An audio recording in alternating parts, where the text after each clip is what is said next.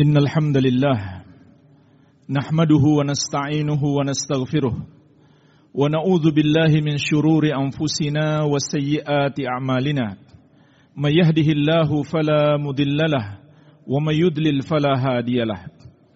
أشهد أن لا إله إلا الله وحده لا شريك له وأشهد أن محمدا عبده ورسوله. صلى الله عليه وعلى آله وصحابته أجمعين ومن تبعهم بإحسان إلى يوم الدين.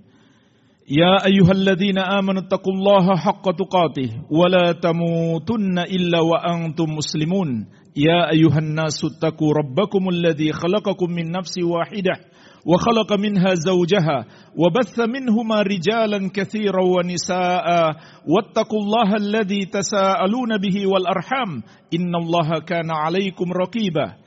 يا أيها الذين آمنوا اتقوا الله وقولوا قولا سديدا يصلح لكم أعمالكم ويغفر لكم ذنوبكم ومن يطع الله ورسوله فقد فاز فوزا عظيما أما بعد فإخواني في الدين Jamaah salat Jumat kaum muslimin yang saya cintai dan saya muliakan. Rahimani wa rahimakumullah. Semoga Allah Subhanahu wa taala senantiasa mencurahkan rahmatnya kepada kita sekalian.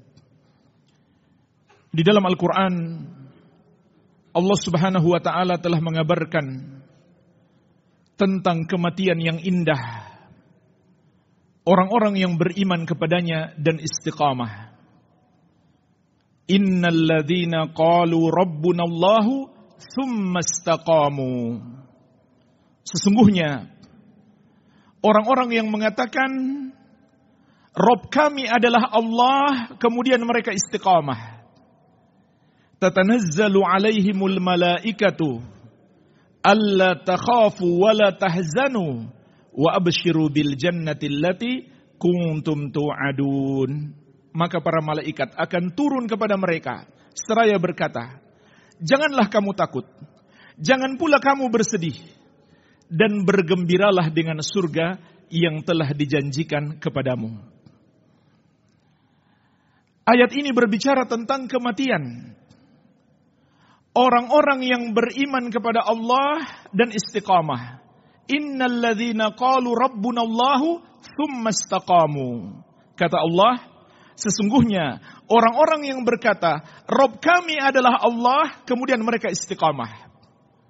Mereka berkata, Rob kami adalah Allah. Artinya mereka beriman. Allah subhanahu wa ta'ala sebagai Rob yang menciptakan yang menguasai dan mengatur seluruh makhluk, yang memberikan rezeki dan mencurahkan segala kenikmatan untuk makhluk, yang menakdirkan segala sesuatu, yang memberi manfaat dan menimpakan mudarat, yang menghidupkan dan mematikan, dan maha mampu menghidupkan kembali seluruh makhluk dan memberikan pembalasan. Itulah maknanya Rob. Lalu mereka beriman hanya dia yang berhak untuk disembah. Dan ini juga seperti dalam sebuah hadis seorang sahabat bertanya kepada Rasulullah sallallahu alaihi wasallam, "Ya Rasulullah, kulli fil Islami qaulan la as'alu anhu ahadan ghairaka." Wahai Rasulullah, sampaikan kepadaku satu kalimat dalam Islam yang paling penting yang aku tidak perlu lagi bertanya kepada seorang pun selain engkau. Maka Rasulullah sallallahu alaihi wasallam bersabda, "Kul amantu billahi tsumma Katakan, aku beriman kepada Allah. Kemudian istiqomahlah engkau. Yaitu beriman Allah sebagai Rabb.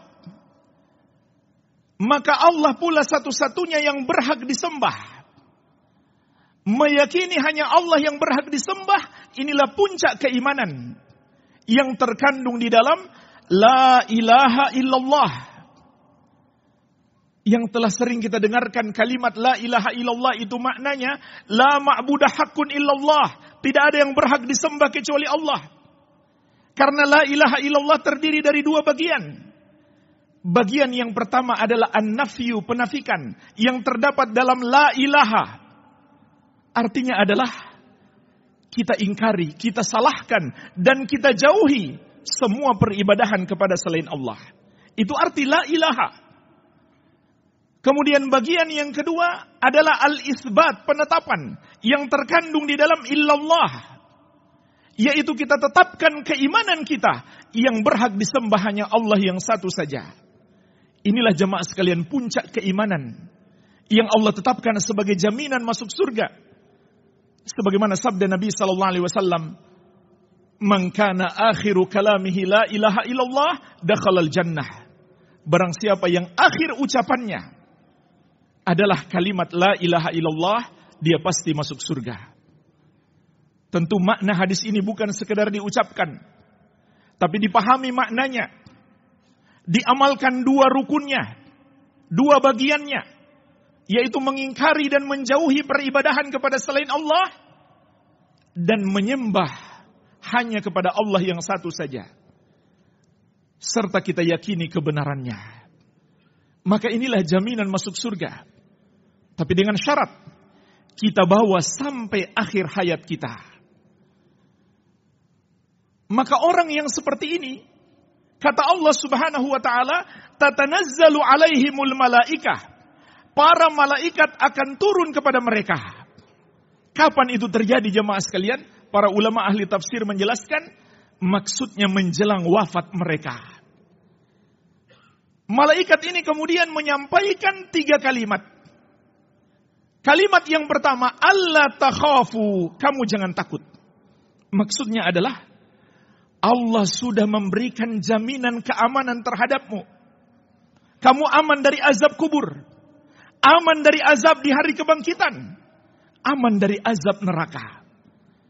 Maka hilanglah rasa takutnya. Dan ini bermakna sebaliknya jemaah sekalian. Orang yang tidak beriman itu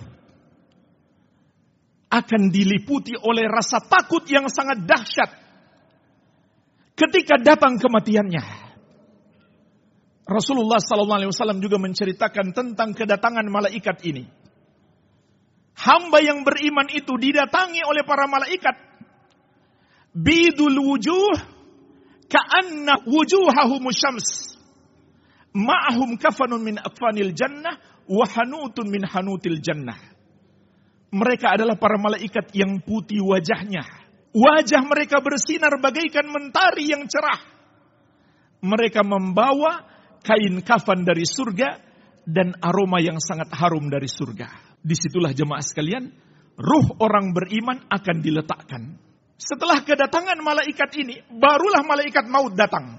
Kemudian berkata kepadanya, Ukhruji, keluarlah engkau, ila magfiratin minallahi wa ridwanin, menuju kepada ampunan Allah dan keridoannya. Kata Nabi sallallahu alaihi wasallam, "Fatakhruju tasilu kama tasilul qatra min fiyyi saqa." Ruhnya pun keluar, mengalir seperti mengalirnya air dari mulut bejana. Bukan berarti tidak sakit. Semua ruh yang dicabut dari jasadnya, walaupun ruh orang yang beriman terasa sakit. Namun jemaah sekalian, karena kedatangan malaikat dan menyampaikan kepadanya tiga kalimat ini, seakan-akan rasa sakit itu terlupakan. Sebaliknya, ruh orang yang tidak beriman, kata Rasulullah SAW juga didatangi sekumpulan malaikat sebelum kedatangan malaikat maut. Mereka adalah malaikatun giladun shidadun, sudul wujuh, ma'humul masuh minan nar. Malaikat yang keras lagi kasar, Wajah-wajah mereka hitam. Mereka membawa bejana dari neraka. Di situlah kelak akan diletakkan ruhnya. Baru kemudian datang malaikat maut. Dan mengatakan kepadanya, Ukhruji ila sakhati minallahi wa gadabin. Keluarlah engkau menuju kepada murka Allah dan kemarahannya. Kata Nabi sallallahu alaihi wasallam, "Fatafarraqa fi jasadihi." Ruhnya pun berpencar dan berpegang erat ke seluruh jasadnya, dia tidak mau keluar. Fayantazi'uha. Maka malaikat maut pun menariknya secara paksa. Kama yuntaza'us sufut al-kathiru syu'ab minas sufil mablul. Ruhnya itu dicabut seperti dicabutnya besi yang bercabang-cabang yang tajam. Yang besi itu dililit atau digulung dengan kulit yang basah Kemudian besi itu ditarik secara paksa apa yang terjadi pada kulit itu? Maka kulit itu pun akan tercabik-cabik. Fatuqatta'u ma'aha al-uruq wal asab. Begitu pula saat malaikat maut menarik ruhnya, maka urat-urat dan persendiannya terputus-putus. Inilah jemaah sekalian. Akhir kehidupan orang yang beriman dan orang yang tidak beriman. Maka orang yang beriman itu kalimat pertama yang disampaikan malaikat Allah takhafu, jangan kamu takut. Menunjukkan kepada kita, orang yang tidak beriman pasti ketakutan walaupun semasa hidup dia sehat kuat dan mengatakan saya tidak takut mati. Tapi saat berhadapan dengan para malaikat ini, saat dia sudah tidak berdaya, diranjang kematiannya, tidak ada satu jiwa pun kecuali pasti takut. Namun orang-orang yang beriman, Allah utus malaikat untuk mengatakan kepada mereka, Allah takhafu, kamu jangan takut. Kalimat yang kedua, wala tahzanu, dan jangan pula kamu bersedih hati. Maksudnya kata para ulama, kamu nggak perlu khawatir dengan keluarga dan hartamu yang kamu tinggalkan. Allah yang akan menjaga mereka. Inilah jemaah sekalian. Suatu anugerah yang sangat besar yang Allah akan berikan kepada orang yang beriman dan istiqamah. Walaupun dia pergi meninggalkan keluarganya, sama saja. Dia pergi sementara atau pergi selama-lamanya dari kehidupan dunia ini, Allah yang akan menjaga keluarganya dan hartanya. Oleh karena itu jamaah sekalian, di sini kita bisa memetik pelajaran. Termasuk faktor utama kesolehan istri dan anak-anak kita adalah kesolehan kita. Keimanan kita kepada Allah dan keistiqomahan kita. Sebagaimana juga Allah mengabarkan tentang dua orang anak yatim yang dijaga oleh Allah dan harta mereka pun dijaga. Maka Allah menjelaskan apa sebabnya. Wa kana abuhuma solihah. Orang tua kedua anak itu adalah orang yang soleh. Kata Ibnu Abbas radhiyallahu anhu, hufidha bisalahi abawaihima. Dua anak itu dijaga oleh Allah karena kesolehan kedua orang tuanya. Ini jemaah sekalian kunci sukses. Penjagaan dan pendidikan keluarga yaitu hubungan baik kita dengan Allah Subhanahu wa taala, keimanan kita dan keistiqomahan kita. Kemudian kalimat yang ketiga, wa abshiru bil jannati allati kuntum tu'adun. Kata para malaikat, dan bergembiralah dengan surga yang telah dijanjikan kepadamu. Maka ketika itu jamaah sekalian, hilanglah rasa takut, hilanglah kesedihan, berganti dengan kegembiraan yang sangat besar. Sehingga sakitnya sakaratul maut itu seakan terlupakan. Wabillahi taufik. Alhamdulillah. Wassalatu wassalamu ala rasulillah. Wa ala alihi wa sahbihi wa man walah. Wala hawla wala quwata illa billahi amma ba'd. Fa ikhwani jamaah salat Jumat kaum muslimin yang saya cintai dan saya muliakan. Rahimani wa rahimakumullah. Semoga Allah Subhanahu wa taala senantiasa mencurahkan rahmatnya kepada kita sekalian. Lalu siapa yang dimaksud dengan orang yang istiqomah itu? Kalau kita ringkas penjelasan dalam tafsir At-Tabari dan tafsir Ibnu Katsir, maka kesimpulannya istiqomah itu mencakup tiga hal. Yang pertama, sebagaimana diriwayatkan dari sahabat yang mulia Abu Bakar As-Siddiq radhiyallahu anhu Orang-orang yang istiqamah itu kata beliau, lam yushriku billahi syai'an adalah orang-orang yang tidak mempersekutukan Allah dengan sesuatu apa pun. Jadi, setelah mereka beriman kepada Allah, maka mereka kemudian menjauhi dosa syirik. Karena jemaah sekalian dosa syirik itu adalah pembatal keimanan dan penghancur seluruh amalan. Orang yang tadinya mukmin, muslim, lalu melakukan dosa syirik, maka dia menjadi murtad keluar dari Islam. Seperti orang yang membenarkan peribadahan kepada selain Allah. Dia tidak mau menganggap salah orang yang menyembah kepada selain Allah, maka dia adalah orang musyrik. Atau orang yang mempersembahkan salah satu ibadahnya kepada selain Allah. Solat itu ibadah tidak boleh dipersembahkan kecuali kepada Allah. Doa juga ibadah. Tidak boleh kita berdoa kecuali kepada Allah. Menyembeli juga ibadah. Tidak boleh kita menyembeli kecuali untuk mengagungkan Allah. Bertawakal, bergantung hati sepenuhnya, itu juga ibadah. Tidak boleh kita bergantung hati kepada selain Allah. Dan seluruh amal ibadah kita hanya boleh dipersembahkan untuk Allah semata. Orang yang berbuat syirik adalah orang yang mempersembahkan salah satu ibadahnya kepada selain Allah. Walaupun kelihatannya dia rajin sholat, puasa, zakat, haji, tapi setahun sekali dia ikut upacara sesajen. Mempersembahkan hewan sembelihan untuk selain Allah. Maka jemaah sekalian, dia bukan orang yang istiqomah. Walaupun setiap hari kita lihat, dia pakai peci, dia pakai baju koko, pakai gamis, rajin ke masjid, tapi dia masih berbuat dosa syirik. Dia bukan orang yang istiqamah. Bahkan semua amal ibadahnya terhapus. Karena Allah menegaskan, la in asyrakta amaluka wa takunanna minal khasirin. Kalau kamu berbuat syirik, terhapuslah amalanmu dan kamu termasuk orang-orang yang merugi. Begitu pula jemaah sekalian, orang yang masih percaya kepada para dukun.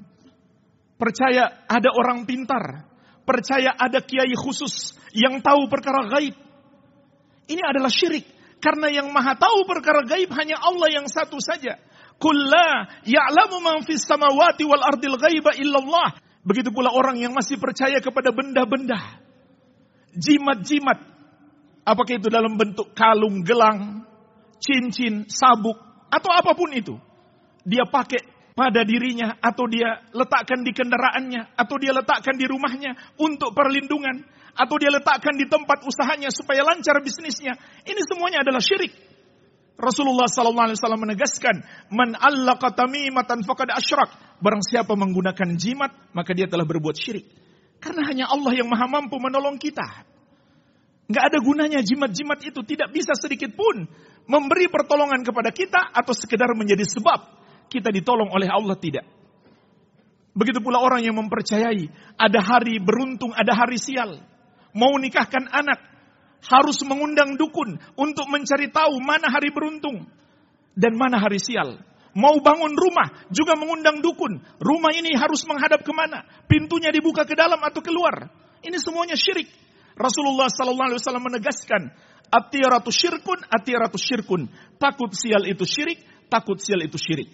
Dan masih banyak lagi jemaah sekalian dosa syirik. Harus kita pelajari untuk kita jauhi dan kita ingatkan kepada keluarga kita. Karena orang yang istiqamah adalah orang yang menjauhi kesyirikan. Yang kedua jemaah sekalian, istiqamah itu adalah menaati Allah. Sebagaimana diriwayatkan dari Ibnu Abbas radhiyallahu anhumah. Yaitu menjalankan perintah-perintah Allah dan menjauhi larangannya.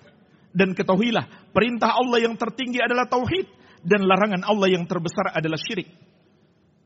Kemudian perintah Allah yang tertinggi berikutnya adalah salat, zakat, puasa, haji dan seterusnya. Maka orang yang istiqomah itu adalah yang selalu berusaha untuk menjalankan perintah-perintah Allah dan menjauhi larangan-larangannya. Apakah orang istiqomah itu menjadi orang yang suci bersih dari dosa? Tidak jemaah sekalian. Tapi orang yang istiqamah itu, apabila dia terjerumus dosa, dia segera bertobat. Sebagaimana Allah kabarkan tentang sifat orang-orang yang bertakwa. Wa idza fa'alu fahishatan aw zalamu anfusahum dzakarullah fastaghfaru li dzunubihim wa may yaghfiru dzunuba illa Allah wa lam yusirru ala ma fa'alu wa hum ya'lamun. Dan orang-orang yang apabila melakukan perbuatan keji atau menzolimi diri-diri mereka sendiri, yaitu berbuat dosa, maka mereka segera ingat Allah. Kemudian mereka memohon ampun atas dosa-dosa mereka itu. Dan siapakah yang bisa mengampuni dosa selain Allah? Dan mereka tidak terus-menerus melakukan dosa itu dalam keadaan mereka mengetahui. Rasulullah wasallam bersabda, "Kullu bani Adam khata' wa khairul khata'ina tawwabun." Setiap anak Adam selalu berbuat salah dan sebaik-baiknya orang yang berbuat salah adalah yang selalu bertobat. Jadi bukan bermakna orang yang istiqomah itu berarti dia menjadi orang suci, bersih dari dosa. Karena tidak ada yang maksum, yang bersih dari dosa kecuali para nabi dan rasul alaihi wassalatu wassalam. Kita manusia biasa, masih mungkin terjerumus dosa. Tapi orang yang istiqamah itu saat dia terjerumus dosa, dia segera menyesali dosanya, memohon ampun kepada Allah dan bertobat kepadanya. Cakupan istiqomah yang ketiga, sebagaimana disimpulkan oleh Imam Ibnu Katsir rahimahullah, orang yang istiqomah itu adalah orang yang beribadah kepada Allah dengan memenuhi dua syarat ibadah. Yang pertama, ibadahnya dia lakukan dengan ikhlas, yaitu dia niatkan semata-mata untuk mencari keridhaan Allah, untuk mendapatkan balasan hanya dari Allah saja. Dia tidak mengharap apa pun dari selain Allah. Dia tidak mengharap pujian manusia. Dia tidak mengharapkan balasan dari manusia. Semata-mata dia niatkan karena Allah yang satu saja. Dan inilah jemaah sekalian, syarat pertama ibadah kita diterima oleh Allah. Percuma kita beribadah kalau ada di hati kita sedikit saja keinginan untuk dipuji orang, maka ibadah kita tertolak, bahkan kita mendapatkan dosa yang sangat besar, yaitu syirik kecil yang disebut dengan riak. Ini adalah dosa besar. Sampai Nabi Shallallahu Alaihi Wasallam mengatakan, "Akhwafu ma akhafu alaikum syirkul asbar." Yang paling aku takutkan menimpa kalian adalah syirik kecil. Beliau ditanya, apa itu syirik kecil ya Rasulullah? Kata beliau, "Arya itulah riak orang yang beribadah." Kenapa disebut syirik kecil? Karena ada sedikit saja di hatinya keinginan untuk dipuji orang. Kalau ada banyak di hatinya keinginan untuk dipuji orang, atau bahkan itulah niat satu-satunya, tidak ada sedikit pun niat karena Allah, maka itu bukan lagi syirik kecil, melainkan syirik besar yang membatalkan keimanan. Syarat diterimanya amal ibadah kita yang kedua adalah ittiba meneladani Rasulullah sallallahu alaihi wasallam sebagaimana beliau tegaskan man amila amalan laisa alaihi amruna fahuwa raddun barang siapa mengerjakan satu amalan yang tidak ada padanya petunjuk dari kami maka amalan tersebut tertolak jadi jangan ketika kita melihat ada orang rajin ibadah langsung kita katakan masya Allah dia orang yang istiqomah belum tentu jamaah sekalian kita lihat dulu amalannya. Apakah sesuai petunjuk Nabi Sallallahu Alaihi Wasallam atau tidak? Walaupun dia rajin ibadah, tapi amalannya hanya mengada-ada, hanya ikut-ikutan pada kebanyakan orang atau pada warisan turun temurun yang ternyata tidak sesuai petunjuk Nabi Muhammad Wasallam, maka amalannya tertolak sehingga dia bukan orang yang istiqamah.